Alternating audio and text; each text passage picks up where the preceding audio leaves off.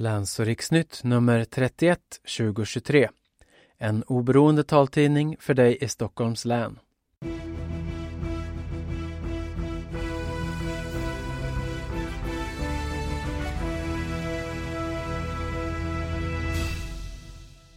Hej och välkommen säger jag som heter Henrik Jansson.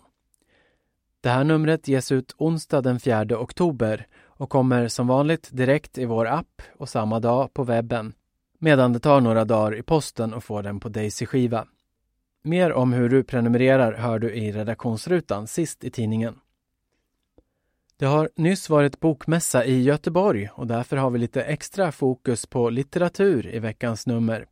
Aziza Dawadi rapporterar därifrån. Här är innehållet. Inslag 1.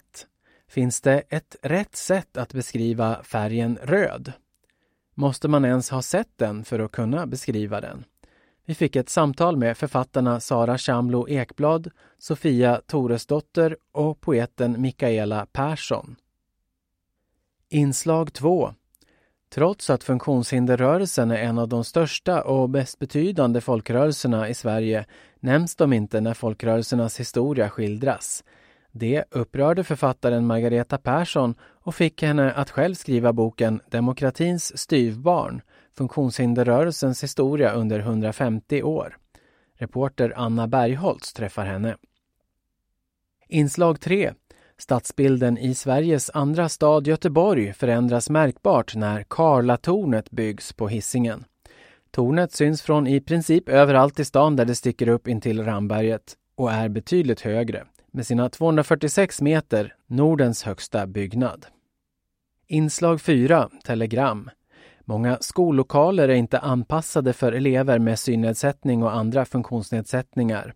Ny bok om hur skolmiljön kan bli mer tillgänglig. Trots lagkrav är de flesta myndigheters hemsidor inte fullt tillgängliga men det blir bättre visar en genomgång. Nya förenklade byggregler riskerar att ge mer otillgängliga bostäder och lokaler, varnar funktionshinderorganisationer. Och Funktionsrätt får miljonstöd av regeringen för patientföreträdarutbildning. Inslag 5, annonser och meddelanden. Och så sist som sagt redaktionsrutan. Hör gärna av dig till oss med nyhetstips, annonser eller synpunkter på tidningen.